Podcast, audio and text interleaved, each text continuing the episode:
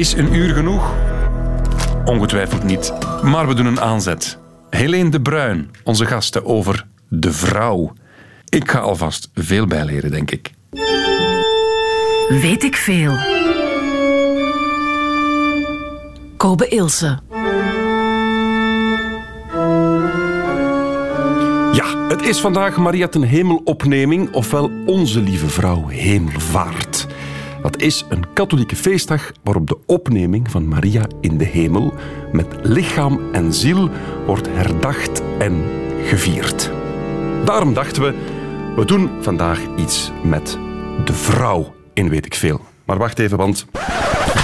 Voilà, u heeft al genoeg van de mis gehad daarnet, dus een beetje meer uptempo en misschien wat sexy muziek, want dat hoort toch ook bij de vrouw, of niet? Dat leren we van Helene de Bruyne, auteur, radiomaker en vooral ook zelf vrouw. Helene, het schijnt, ja. Dat klopt, hè? Ik zie het ook. Je bent een vrouw. Ik kan het nooit zeker zijn, natuurlijk, hè, tot hij het vraagt aan de Dat waar, mensen. maar nu, ja, mijn ogen dwaalden al af, maar ik, ik heb al gezien, je bent een vrouw. Klopt. Een uur lang de vrouw voor beginners. Is dat tijd genoeg? Ik vrees ervoor. Je eigenlijk. Ja, er is al een probleem met de vrouw, want dat is natuurlijk een generalisatie, et cetera. Dus Ja. daar wordt het al moeilijk, maar daar ga ik je niet mee vermoeien. Dat moet je zelf maar uitzoeken. Dat zal allemaal anders zijn. Dat uitzoeken is al even aan de gang. Ik, ik heb heel veel vragen. We zullen het daarbij houden. Jingeltje kiezen, deze. Dames en heren, hier is de rubriek van ons Irene.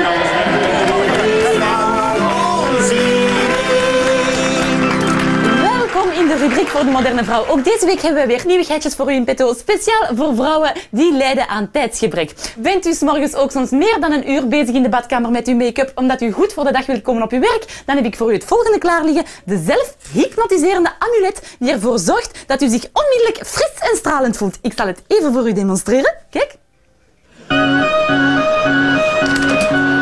Wauw, ik zie er geweldig mooi en fantastisch aantrekkelijk uit. Dank u wel. Dat was Weet ik veel. Lang leven het Peulengaleis om jingles te fabriceren over de vrouw. En daar gaat het vandaag over met Helene de Bruyne, auteur, radiomaker en podcastmaker ook. Wat, Ja. Die podcast is nogal expliciet, Helene. En vind je? Het gaat toch over seks en al? Het gaat inderdaad over seks, maar we proberen me het een beetje beschaafd te houden. Alhoewel dat we ook niet beschaamd zijn om eh, in details te treden. Mhm. Ehm, maar het was wel een onderwerp waar de radio zich niet aan wilde wagen, dus hebben we het maar op het internet gegooid. Ja, en het zijn vrouwen die over seks praten. Ehm, ik ken Anaïs van Ertvelde. Ja? We praten niet over seks, we zijn geen vrouwenblad of ehm, tien tips om beter te pijpen zal je bij ons ook niet vinden. Maar we onderzoeken bijvoorbeeld eh, hoe het komt dat de meeste mensen niet weten hoe de clitoris er echt uitziet. Ah ja. Of eh, het kan ook over mannen gaan. We hebben onderzocht waar dat de mannenbesnijdenis vandaan komt en of dat, dat eigenlijk wel goed is dat ze dat bij baby's doen, dat soort dingen. Dus het gaat niet de alleen over vandaan? Ehm, dus dat is niet helemaal duidelijk. Eh, Er, er gaat zo, het cliché doet de ronde. We hebben het nu wel over mannen. Ja, Is dat mag het? Ik Nee. wil het wel Nee, uitleggen, nee, www.vuilelakens.be. interesseert ons eh, niet vandaag. Piemels, daar gaan we het niet over hebben. Het gaat over vrouwen. Oké, laten we beginnen bij het prille begin. Het cliché wil, vrouwen komen van Venus en wij, de mannen, komen van Mars. Ja, dan begin ik al diep te zuchten als ik je van ik zag dat je. Ik zag het al. Vertel. Ja, dat was een heel populair boek in de jaren negentig van een eh, John Gray. Zo een beetje, heb je ooit eh, Magnolia gezien? Die film met, ehm, waar dat Cruise. Tom, Tom Cruise die, die guru-achtige figuur speelt die het heeft over de power of the penis en zo. Wel, die man doet mij daar een beetje aan denken. Mhm. Het is zo'n coach en een, een, een psycholoog en een, een relatietherapeut. Ehm, en hij heeft allerlei wetenschappelijke onderzoeken gebruikt, maar eigenlijk verkracht om een boek te schrijven waarin hij doet alsof mannen en vrouwen quasi twee verschillende diersoorten zijn. Nochtans, ik herkende mij wel in heel veel situaties. Maar dat is zoals met een horoscoop. Hè. Ah ja, Dat is zo geschreven zodat iedereen er wel iets kan in herkennen. slim. Slim. Dus vrouwen komen niet van Venus. Eh, nee, en mannen komen al evenmin van Mars. Zelfs serieuze evolutiebiologen en, en eh, biologen en zo, die vinden dat boek ook allemaal een aanfluiting. Maar als we het dan over de vrouw voor beginners hebben, dan moeten we toch, denk ik, er is toch een verschil tussen een vrouwenbrein en een mannenbrein. Of spreek je dat tegen? Ehm, er zijn onderzoeken die eh, een bepaalde verschillen zien. Ehm, die worden dan ook, ook weer, want er is zo'n um, Baron Cohen, heet die, een onderzoeker die heel zijn carrière heeft gewijd aan het onderzoeken van vrouwen hebben een meer empathisch brein en mannen hebben meer uh, breinen die goed zijn in het herkennen van systemen. En dan ziet hij dat op scans en zo. Maar er zijn dan ook weer andere onderzoekers, zoals dat gaat in de wetenschap, want ze zijn op zoek, maar ze spreken elkaar de hele tijd tegen, maar zo kom je naar een beter resultaat. Andere onderzoekers die vinden dat zijn methodes niet helemaal waterdicht zijn. Dus het is meer van, er zal wel iets verschillend zijn. Er zijn natuurlijk biologische verschillen, maar um, het is niet 100% zeker wat er nu biologie is en wat er nu um, nurture, zoals dat heet, is. En opvoeding. Die ja, opvoeding. En die dingen werken ook op elkaar in. Ja, tuurlijk. Dus eigenlijk is, vind ik persoonlijk de vraag wat biologie is, is interessant. En ik lees daar graag over, maar het is denk ik niet relevant om u in de wereld te bewegen en om met vrouwen om te gaan.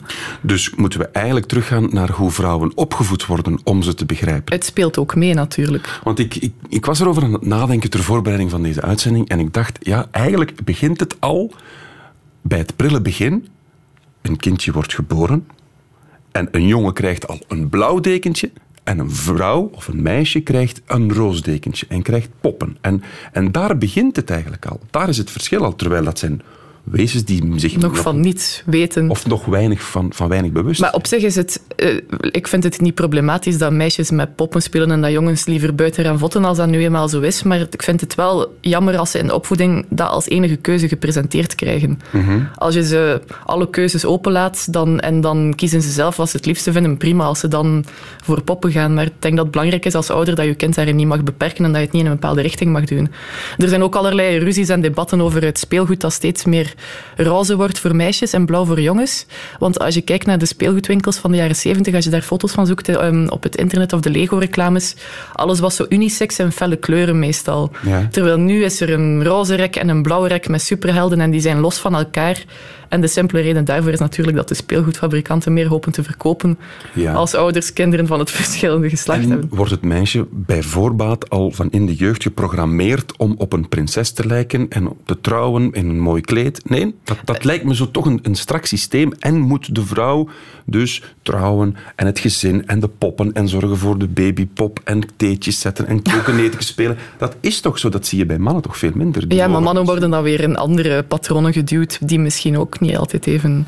Ja, maar ik vind het patroon bij kinderen, het gaat onmiddellijk over dat zorgende Mhm. bij jonge meisjes. Ja. Die moeten, of die worden een beetje verplicht door het speelgoed, ik maak er een cliché van, hè, om al dat zorgende te hebben. Wat verplicht is, is natuurlijk veel gezegd, maar het is natuurlijk een groot cliché dat een vrouw een zorgend, empathisch, warm figuur is en dat een man dat helemaal niet is. Is dat dan niet zo? Um, ik, um, ja, is dat dan niet zo? Als je rond je kijkt, er zijn toch ook heel veel moeders die heel kil zijn en vaders die heel empathisch zijn. Ik vind, vind zo'n genera generalisatie is altijd moeilijk omdat ze weinig zeggen over een individu. Ja, maar als we dan puur biologisch kijken, een vrouw is wel in staat om een kind te baren. Een man kan dat niet. Dat is waar. Dat is ontegensprekelijk waar. En een vrouw geeft ook borstvoeding en dat kan een man ook al niet. Borstvoeding, dat heeft toch al wat meer dat zorgende in zich. Als dat kind echt, je bent wel 100% zeker dat het jouw kind is. En dat jij die borstvoeding geeft. En je bent nu aan het impliceren dat je niet 100% zeker bent uh, dat Als het je kind is. Nee, je kan een DNA-test laten doen. Dat is waar, dat is en waar. idealiter vertrouw je je partner en weet je het. Maar ik wil maar zeggen dat dus het, het lijf van een vrouw is toch geprogrammeerd om dan, om dan dat kind te hebben. Ja, en maar- dus dat zorgende te hebben, want als je een kind hebt, zorg je ervoor. Ja, maar ehm, de, de mens is een van de weinige soorten waarbij de man zoveel zorg mee op zich neemt. Dus als we dan toch over biologie bezig zijn, de, de zorgende man is wel degelijk belangrijk geweest in de evolutie. Ehm, alleen wordt die rol hem niet altijd makkelijk gemaakt. Eh, bijvoorbeeld, kijk maar naar vaderschapsverlof. Dat is heel kort. En in België, hoe lang is dat? Een week, tien dagen, zoiets? Geen idee. Ik Ja. weet dat Thomas van der Veken daar een, een voorvechter van is om dat dus te in verleiden. ieder geval, het is heel kort. In Nederland is het geloof ik maar twee dagen, terwijl alle onderzoek uitwij- uitwijst dat vaders die langer bij een kleine baby zijn, later ook meer voor de kleuters en de tieners gaan zorgen. De Bruine, nu ben jij weer over de mannen begonnen. Ja, pardon, maar ik dat- Maar ja, zeg. We gaan het niet vragen waar, mannen het- voor beginners ook. Het is goed, het is goed. als we het, ehm, als we het hebben over dat zorgende, ehm, wat dat ik wel problematisch vind, ehm, dat, dat vrouwen graag kinderen willen en, en dan, er dan meer mee bezig zijn terwijl ze nog baby's zijn. Op zich vind ik dat helemaal niet erg als ze daar zelf zin in hebben. Wat ik wel problematisch vind, is als je als vrouw geen kind hebt, ehm, wordt dat nog altijd als een beetje raar beschouwd. Zo, de, er is een eh, schrijfster, Rebecca Solnit, die is behoorlijk bekend in Amerika, heeft een geweldige literaire essayistische carrière achter de rug. Ze heeft geen kinderen, dat is ook, eh, ze is daar niet ongelukkig over. Het is zo gelopen en ze vindt het niet erg. En ze zegt, ja, ik schrijf, ik ben tante, ik zorg voor de kinderen van mijn vrienden, ik ben perfect gelukkig zo. Maar zo wat na iedere lezing die ik geef, komt er een vraag uit het publiek van, ja, maar waarom heb je geen kinderen? Terwijl op, aan een mannelijke schrijver gaan ze zoiets nooit vragen. Ah ja, oké. Om, ja, omdat het cliché natuurlijk wil dat vrouwen, ook de klok die tikt, dat, dat horen we toch heel dikwijls. Dat, ja, ik begrijp het wel dat die vraag komt. Of, of is dat een totaal foute vraag? Ehm, ik, ik, ik, denk iemand die een indrukwekkende literaire carrière heeft en die, van wie het lijkt dat ze perfect, perfect tevreden is met het feit dat ze geen kinderen heeft. Waarom stel je die vraag dan uit het niks? Ja. Als het er niet over gaat. Maar ik ben een man van 35, ik krijg ook de vraag... Oei, heb jij nog geen kinderen? En wat antwoord je dan? Nee. Of als ik dronken ben, niet dat ik weet. Maar dan is dat een, dat is een flauw mopje. Maar ja, is dat lastig om als vrouw dan die vraag te krijgen en nee te moeten antwoorden? Goh, ik krijg hem zelf ook vaak en ik vind het persoonlijk niet zo erg, maar ik weet van andere mensen dat ze het wel vervelend vinden. Om, omdat ze graag ook nog als iets anders worden gezien dan als een potentiële moeder. Je wordt vermoedelijk ook graag als iets anders gezien dan een potentiële zaaddonor. Absoluut. Zeker en vast. Maar is het dan een confrontatie met het feit dat je effectief geen kinderen hebt, dat het een moeilijke vraag maakt? Of is het een lastige vraag, omdat je zoiets hebt, moei- bemoeien met je eigen zaak? Bij mij persoonlijk kan alleen van mij persoonlijk antwoorden. Ik, ik, eh, dus ik wil er geen, dus ik vind die confrontatie helemaal niet pijnlijk, want dat is een keuze. En ik vind het ook niet erg om daarop te antwoorden, maar soms denk ik van, vraag eens, vraag iets anders. Ja. Dit is niet zo interessant. Want komt die vraag niet evenveel van vrouwen dan als Ja, ja tuurlijk, zeker. Dus zeker. vrouwen Ja, ja. vragen het zelf, denk ik dan. Hè? Maar om nog terug te komen op die biologische klok trouwens. ehm, je, je zei dat vrouwen een biologische klok hebben. Er is trouwens niet zoiets als een soort intern mechanisme dat ervoor zorgt dat er dan op je dertigste plots een hormoon begint wil te gaan en dat je dan kinderen moet hebben. Dat bestaat helemaal niet. Hè. Mannen hebben dat ook niet. Er is niet zoiets als een, een, een, trigger daarvoor. Nee, maar je hebt een vast aantal eicellen bij de Dat geboorte klopt, ja. meegekregen als vrouw. En het is wel waar dat je als vrouw sneller onvrucht, er sneller onvruchtbaar wordt dan als man, dat is zeker waar. Maar ehm, recent onderzoek wijst ook uit dat, dat je geen zorgen moet maken als je 30 bent, dat het eigenlijk al bij al nog wel meevalt tot je 39ste zo ongeveer. Wat dat wel belangrijk is als je levenskeuzes moet maken, carrièregewijs. En ehm, bovendien gaat het voor mannen ook achteruit. Minder snel wel, maar in, in juli is er nog een onderzoek verschenen dat vanaf 40 bij mannen ook, ze hebben koppels gecheckt die eh, op IVF zitten, Ja, en vanaf 40 gaat het bij mannen ook achteruit. Dus we moeten niet... 40. Ja, Nog vijf. nog vijf Even jaar. stellen, even stellen. Ja. En ook, dat is ook wel persoonlijk. Hè. Er, is, er is zoiets als de ovariële leeftijd. Ehm, en dat is voor elke vrouw anders. En dat hangt niet alleen maar af van je leeftijd, maar ook van je genen en, en je levensstijl. Oké, maar als man kan ik tot mijn honderdste eigenlijk ben ik in staat om kinderen te verwekken. Niet altijd hoor. Ehm, Of bij wijze van spreken op de zeventigste. Nee, maar nee, niet, niet je honderd. Nee? je honderd is zo, lijkt mij sterk dat je hem nog omhoog krijgt. Maar ehm, je kijkt zo zeker van jezelf. Ik ben benieuwd. Nee, nee, ik denk gewoon, er zijn, er zijn hulpmiddelen. Nee, niet, niet alle mannen eh, gaan nog in staat zijn, want de, de sperm count ehm, gaat ook achteruit en niet alle, niet alle zwemmertjes zijn dan nog even sterk. En Ah. Helena. het zou kunnen dat je vaak moet proberen op je zeventigste om er nog iets, eh, nog de- iets uit te krijgen. De penopauze komt veel later dan de menopauze, dat wil ik zeggen. Ja, dat is sowieso waar. Ja, menopauze vrouw- is trouwens heel interessant, Ja? want er zijn bijna geen dieren die eh, menopauze hebben. De meeste dieren blijven zich maar voortplanten tot ze sterven. De vrouw is zo wat de enige. Er zijn er nog, wat is het? ehm, een, ah, ik weet niet meer welke, maar in ieder geval, het is heel zeldzaam in de natuur. Echt waar? Ja. Dus de, de, de, de apen zie je zo tot ze, dat ze bijna dood zijn en grijs en ehm, oud, dan, dan, hebben ze, dan lopen ze nog met baby's rond.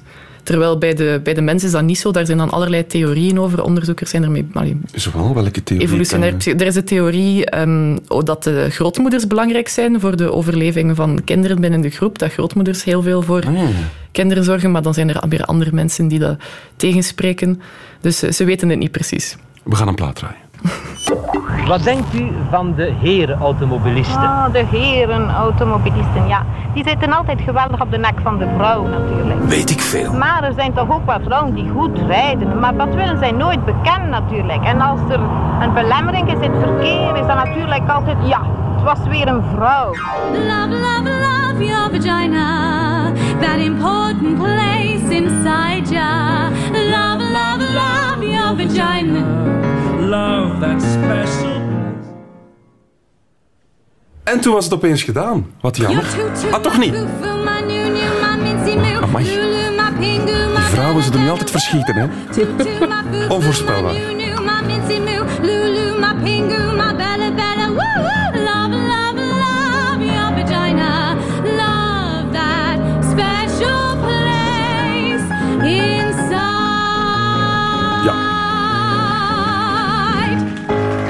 Zo verschi- la- laten verschieten met de Vagina Song van Mooncup. Een product dat ik heb teruggevonden op YouTube. En Mooncup is nog iets anders ook. Mooncup is een merk van eh, vaginale cups. En dat zijn ehm, siliconen opvangbekertjes voor menstruatiebloed.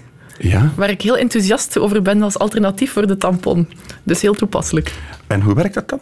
Ehm, ja, je steekt gewoon een, een bekertje, heel simpel eigenlijk. Je steekt een bekertje in je vagina en dat vangt het bloed op. En dan giet je het s'avonds weg.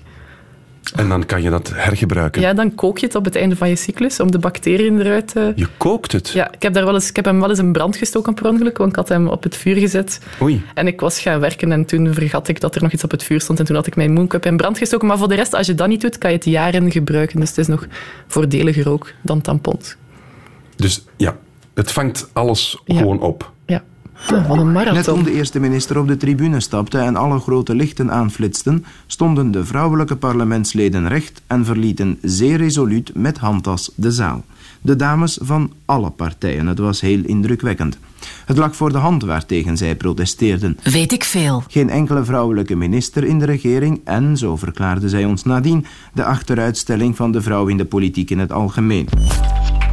Een bericht over de regering IJskes was het. In de jaren tachtig moet dat geweest zijn. Ehm, waar zijn we? We zijn een aflevering aan het maken van Weet ik Veel over de vrouw vandaag. Met Helene de Bruyne, radiomaker, maar ook auteur. Vrouw zelf, uiteraard. 28 jaar, mag je dat zeggen? Je mag dat Dat zeggen. mag ik zeggen. Voilà. En een podcast over seks. Ja, klopt en helemaal. hoe vrouwen dat beleven. Nee, eigenlijk gaat het daar niet over. Oké. Ja. We, zijn, we, zijn, we benaderen het meer heel onvrouwelijk, als zoals een cliché dan wil vanuit een historisch-wetenschappelijk standpunt. Klopt het cliché dat vrouwen willen beminnen en dat mannen gewoon willen poepen? Ehm, nee, dat, dat hoor je heel vaak. Dat blijft maar gereproduceerd worden. Ehm, vreemd genoeg hoor ik mijn vriendinnen dat eigenlijk nooit zeggen. Ehm, en ik heb zelf die ervaring ook niet. Dus ik vond dat eigenaardig. Dus dan ben ik eens gaan opzoeken waar dat cliché precies vandaan komt.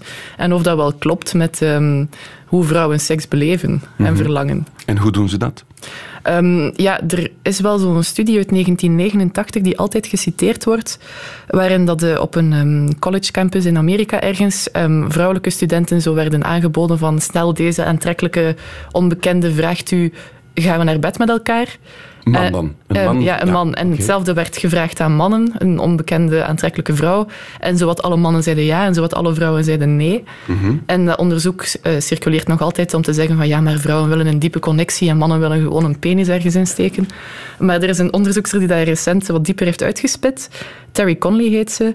En blijkt dat de, in de beslissing van de vrouwen eh, niet meespeelt dat ze geen zin hebben in seks, maar gewoon eerder de angst dat die onbekende niet betrouwbaar is en dat je toch maar beter oppast met wie je naar huis mee gaat. Ah, oké. Een En- soort veiligheids... Ja, en ook ehm, en mannen zijn daar dan blijkbaar minder bang voor, omdat ze fysiek meer het overwicht hebben, weet ik veel.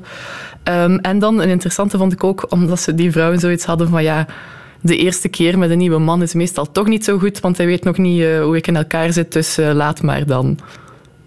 Ah, Dus ze waren eigenlijk vooral bang voor slechte seks. er al van uitgaande dat het Ja, op dat het- geen kloten zou trekken. Ja, inderdaad. Dus, dus het, is niet, is niet de reden van we hebben geen zin in seks. Er waren andere redenen die meespeelden. En wat er ook meespeelde was dat ze bang waren om, ehm, om als slet eh, beschouwd te worden. Oké. Begrijpelijk. Maar Ah, je vindt bij- dat begrijpelijk? Nee, maar dat zou bij de man toch ook... Nee, dat is wel... Daar, daar, alle onderzoek, eh, bijvoorbeeld nog een, een eh, interview van allerlei Vlaamse jongeren, ik geloof dat het in 2014 was, in ieder geval echt niet lang geleden, Mhm. ehm, wijst uit dat, dat, dat die dubbele standaard nog heel hard leeft. Dat vrouwen die met veel mannen slapen sletten zijn en die mannen, mannen die met veel vrouwen slapen, dat is niet zo erg dan. Dus dat leeft nog altijd. Ja, ja, ja. Dus je moet een beetje meer oppassen voor je reputatie als vrouw. Wat ik zelf persoonlijk heel vervelend vind. Om op te passen... Ja, ik pas helemaal niet op voor mijn reputatie, maar... eh, Dus jij zou wel met die wildvreemde man naar huis. Het hangt er vanaf voor- of hij aantrekkelijk is en of hij in volzinnen kan praten. Maar, eh, Ah ja, oké. Hij moet ook nog kunnen... ja, dat is ook, ook belangrijk. Maar, dus, dus, dus het is helemaal niet zo dat vrouwen seksueel geen zin hadden om, om, om, om prettige contacten met een man te hebben. Dus die vrouwen die de keuze kregen, diep van binnen zullen die misschien wel ja willen Ja. gezegd hebben. Maar er zijn allerlei redenen waarom ze toch zoiets van ja, dan toch maar niet, want het is gevaarlijk en mijn reputatie. En, Ja, ja, maar dan komen we misschien toch wel weer bij het, wat we daarnet eh, besproken hebben, dat het vrouwelijk brein toch net iets anders in elkaar zit dan een mannelijk brein. Dat een vrouw misschien toch wel net meer connecties maakt van, ja maar wacht, als ik dat doe, dan dit en dat en dat. Terwijl een man gewoon denkt, joepie, Maar de implicaties voor de man zijn ook wel minder, want hij loopt minder het risico dat hij met een gevaarlijk figuur die sterker is dan hem meegaat en hij loopt minder het risico dat mensen hem een slet zullen noemen. ook waar. Dus hij moet er dan ook minder bij nadenken.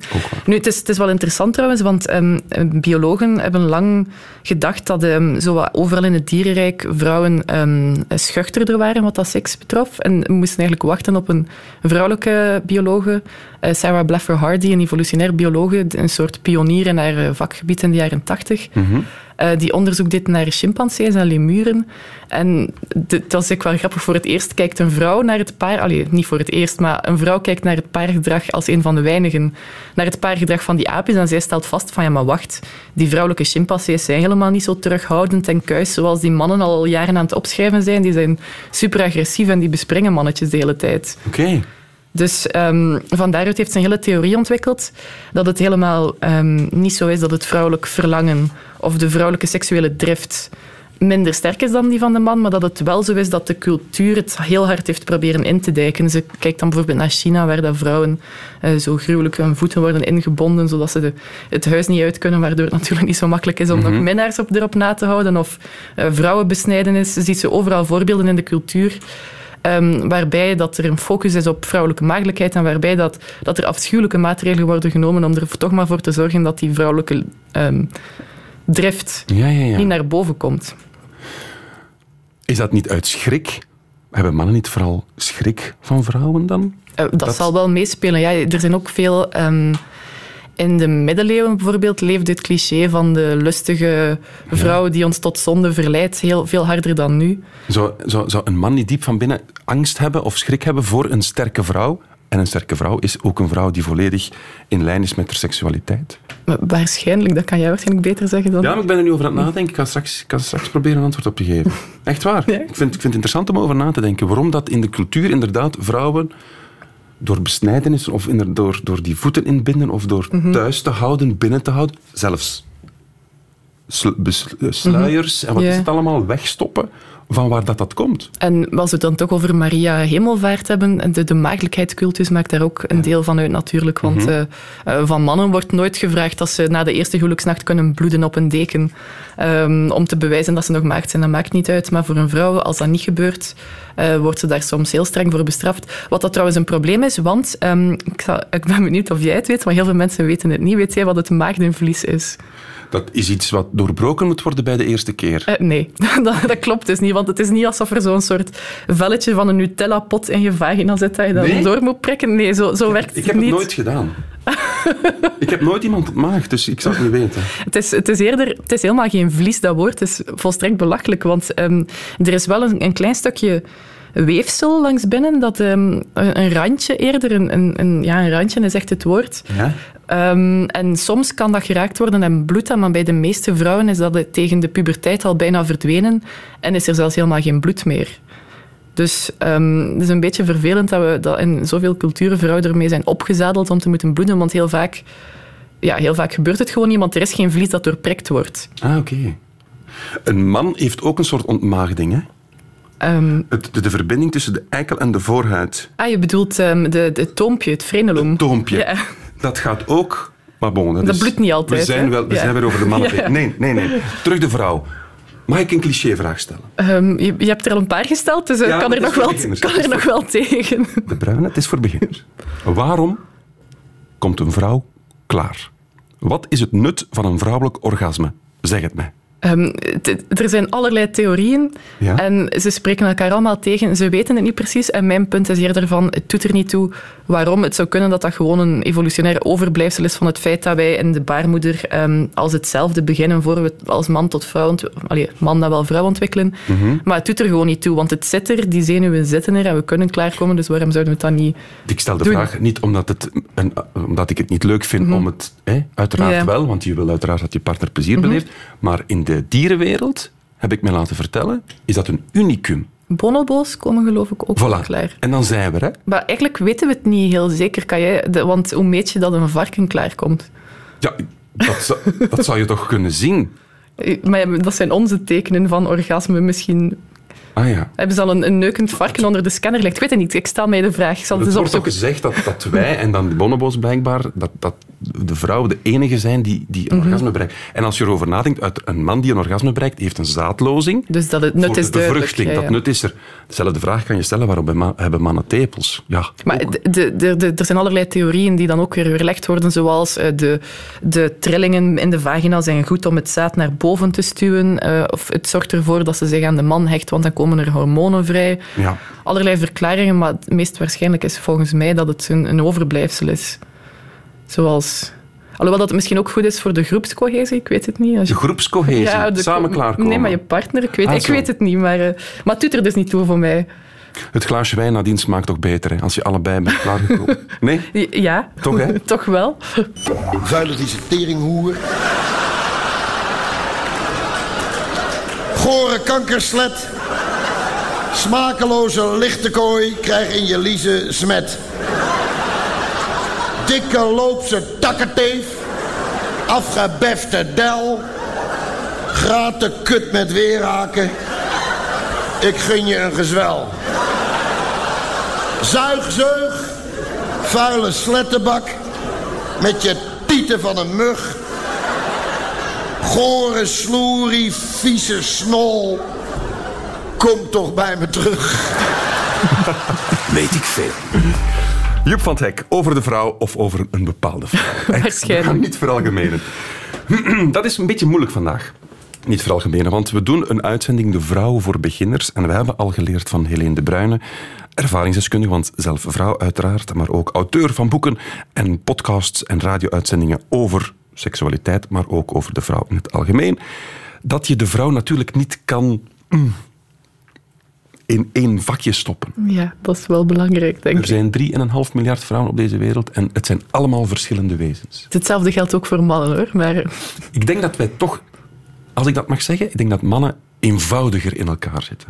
nee, Nee? in mijn ervaring echt wel niet, hoor. Nee. Moet je iets delen? Nee, maar het kan aan mij liggen, hoor. Maar eh, Ja? ja, ik weet niet. Dat is ook weer zo'n cliché dat mannen ook geen recht weten. Er zijn ook heel veel heel complexe, getormenteerde mannen. Dat is zo. Maar puur hoe ik met mijn vrienden omga, is heel zwart-wit.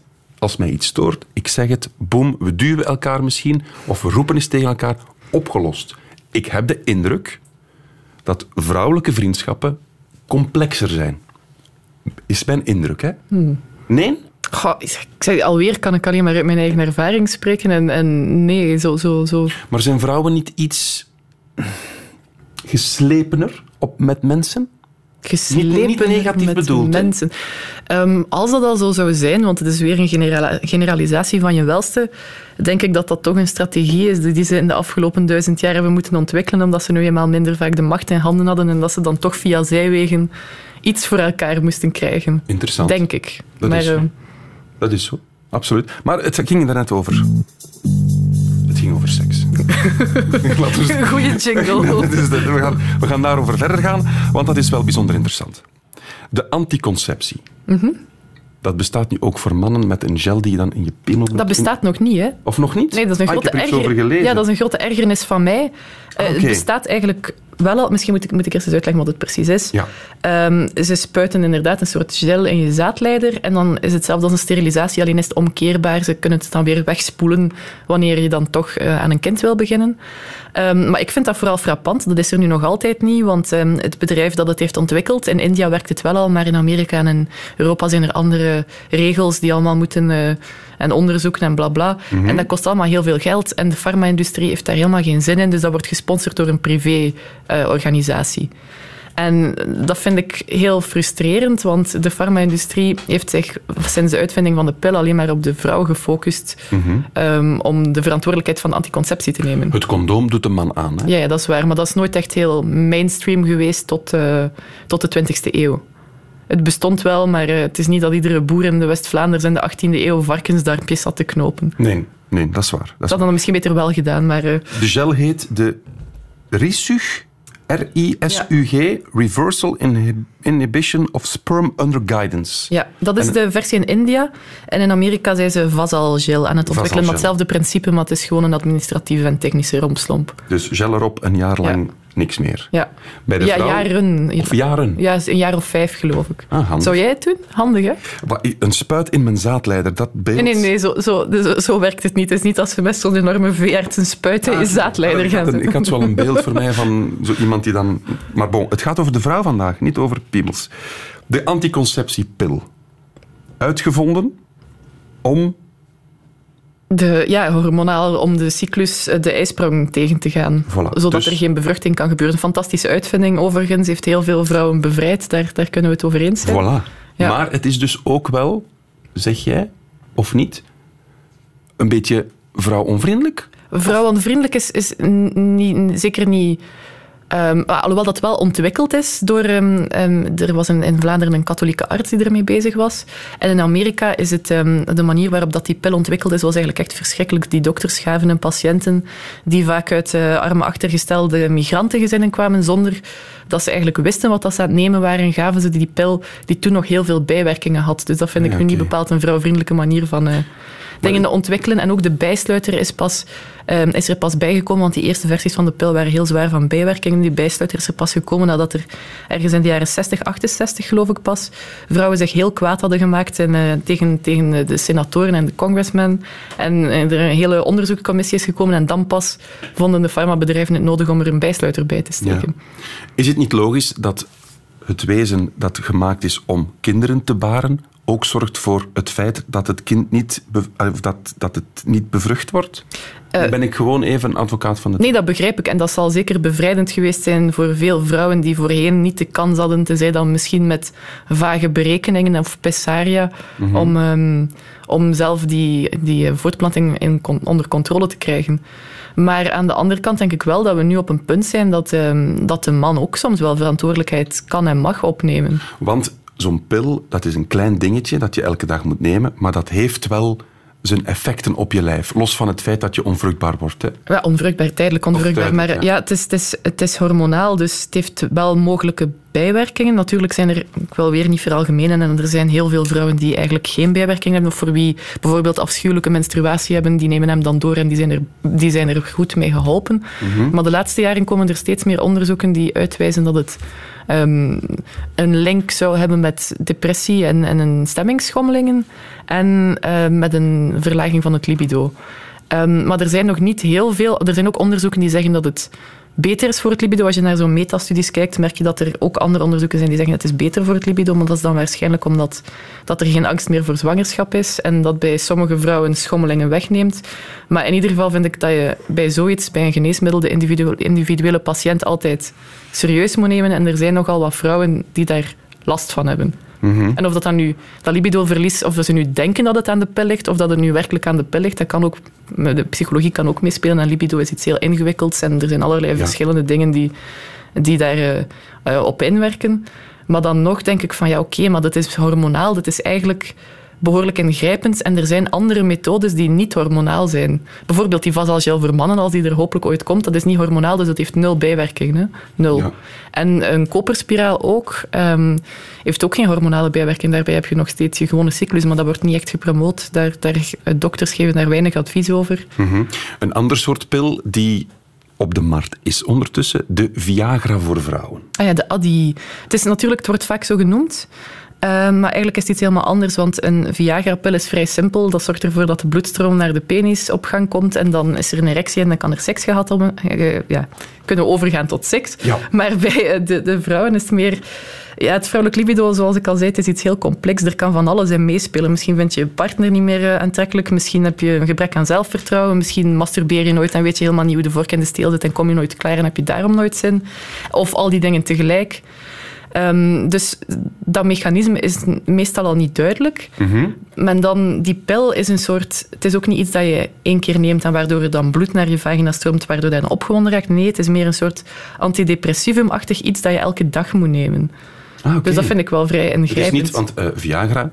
Nee, is niet één timing, keer. Ja, ja. Dat is een uur op voorhand moet- en je moet zien dat het op tijd is, want an- ook niet te laat, niet dat ze dan maar niet te laat komt, want dan ja, heb je ja, maar dat is, dat is timing. Dat, dus dat, dat is het niet bij die... eh, Nee, en de resultaten zijn ook, ik heb het eens zitten bekijken, eh, zelfs van de onderzoeken van de fabrikant van de pil zelf, vind ik de resultaten ook niet zo fantastisch. Ah, Oké. Wat ik nog wil eh, doen in dit blokje over seksualiteit, want daar schrok ik enorm van, Nu ben ik benieuwd. ja, dat de clitoris 10 centimeter kan zijn. Eh, ja, Nu, ik heb in mijn leven al iets gezien, maar 10 centimeter is nu wel heel veel. we hebben het niet over de externe clitoris. Hè. We zijn geen... Dat is nieuw. Ja. Is dat nieuw voor jou? Ja. Ach, ben ik... Maar 10 centimeter, dat is eigenlijk... Bij een, man, een mannelijke erectie is normaal groter, maar dat heeft dan toch gelijkenissen met een Ja, ja, erectie, zeker. dat dat zo kan groeien. Dat heeft ook weer te maken met hoe dat we in de baarmoeder eigenlijk oorspronkelijk uit hetzelfde materiaal kwamen. Dan een vrouw en een man, Ja. dat komt uit hetzelfde weefsel. Ehm, en dus de clitoris is gewoon een hele ondergrondse interne structuur. Ehm, als je trouwens gevisualiseerd, gevisualiseerd wil zien, ik heb een ring aan in de vorm van een clitoris, daar heeft de luisteraar niks aan. Maar er is dus aan de buitenkant dat topje. En dan aan de binnenkant zitten er nog allerlei zwellichamen en die zich zo in de buurt van de vagina bevinden. En dan daar rond cir- eh, cirkelen er nog allerlei zenuwen. En dat is ook wetenschappelijk bepaald dat dat een deel van de clitoris is. Ja, ja, dus gewoon als je een vrouw dissecteert, het is eigenlijk een, ik vind het eigenlijk hallucinant dat die kennis nu pas een beetje naar buiten is aan het komen, want bij dissectie zie je dat ding gewoon liggen natuurlijk. Dat is gewoon een orgaan, dat zit daar. Ja. Ik schrik ervan. Dus als je een, een, een orgasme, een vaginaal orgasme, is eigenlijk ook gewoon een clitoraal orgasme, alleen wordt de clitoris dan via de binnenkant aangeraakt. Of gestimuleerd. Ja, we leren veel bij vandaag. Ik ben een vrouw. De eerste zonder een vrouw. Ken je het nou? Weet ik veel. Denk het wel. Het vingertje. Ach ja, opium. Juist. Einde jingle. Ik ben een vrouw. Voilà, einde jingle. Dat was Opium, inderdaad. Joyce de Trog, Ja, Inge Moerenhout en dat weet ik allemaal Katja niet meer. Aals. Ik weet het nog goed. Vond ik eigenlijk prima. Die, die, dat was zo'n beetje tong-in-cheek. Die speelden zo'n beetje met het beeld van zichzelf als eh sekssymbool. Dat was niet helemaal serieus, dus ik vond dat nog wel geestig. Maar daar wil ik het nog graag, we hebben nog drie minuten radio over, daar wil ik het graag nog over hebben, want het gaat nu over de vrouw en de seksualiteit en het lichaam en het brein, hebben we allemaal gehad. Maar de vrouw in de maatschappij. Ik kan dat als man moeilijk inschatten, maar zijn we nu gelijk? Ehm, maar eerst globaal gezien totaal niet. Er zijn nog allerlei landen waar dat vrouwen geen rechtspersoon zijn, waar dat seksuele vrijheid nog lang niet gegarandeerd is, geen toegang tot anticonceptie, et cetera. Eén grote hoop ellende in de rest van de wereld. En hier denk ik... Ja, we zijn natuurlijk al heel ver gekomen. Er zijn nog eh, clichés en vooroordelen waar dat vrouwen last van hebben, zoals bijvoorbeeld die slutshaming waar ik het daar net over had. Dus als een vrouw met veel mannen omgaat, is het automatisch een slet. Ja, de manier waarop naar vrouwenlichamen wordt gekeken is ook nog niet altijd helemaal goed. Maar ik vind het belangrijk om, om ook te bekijken op welke manier mannen daar last van hebben. Dus, Ik denk dat mannen geen last hebben van haar vrouwenlichamen. nee, nee, maar van vooroordelen en zo. Ah, oké, op die manier.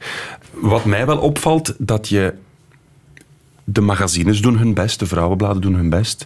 Schrijven dan zelf heel vaak, we moeten de gewone lijven laten zien, maar dan toch... Toch die dieettips daar weer Ja, bij. Hè? die dieettips. Ze En kunnen toch- het niet laten. En toch op de cover staat dan toch een slang. Ja, het is, zo meer, het is zoals die Dove-dingen. Die Dove-reclames, ik weet niet of je die kent, met Ja. al die verschillende vrouwen. En Maar dan, ook dat zijn nog altijd Ja. bloedmooie vrouwen. zijn altijd, dat zijn eigenlijk ook heel, lichamen die niet heel ver buiten de norm vallen. Ze zijn, allee, want Voilà. dat zijn mensen zoals ik en mijn vriendinnen. En die worden dan al gepresenteerd als... Oeh, kijk naar deze buitennissige lichamen. dus. Mhm. En dat is ook commercieel natuurlijk. Hè. Dus er is nog wel wat werk aan de winkel? Of zeg je van, het gaat van alle tijden zijn? Goh, ja, ik wil nu niet defetistisch zijn, maar ik vrees het wel een beetje. Maar dat wil niet zeggen dat, dat het belangrijk is om ook andere representaties een plaats te geven. Hetzelfde geldt trouwens ook voor mannen hoor. De laatste tijd zie je steeds meer. Als je bijvoorbeeld naar die superheldenfilms kijkt. Vroeger James Bond, dat was gewoon een man die eruit zag zoals mijn vader. Die was wel slank, maar ook niet hypergespierd. En tegenwoordig, al die superhelden hebben een enorme sixpack, opgeblazen armen. En dus ik merk dat dat ook voor mannen wel aan het opkomen is. En dat is geen goede zaak natuurlijk, want we zijn er nog niet vanaf Maar voor we- vrouwen.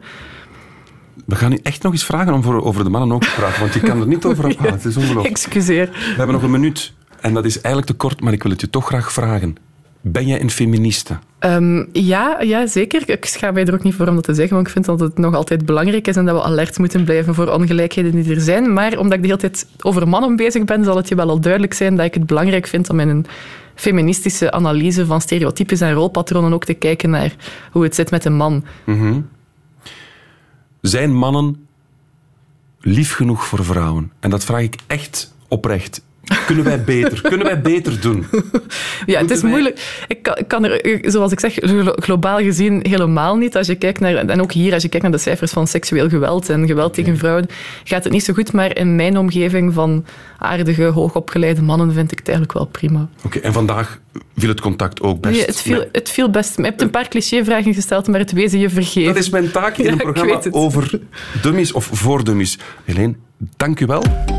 Radio 1. Weet ik veel? Dit is het einde van deze podcast van Weet ik Veel. Weet ik Veel is trouwens een programma van Radio 1. Op radio1.be vindt u nog veel meer.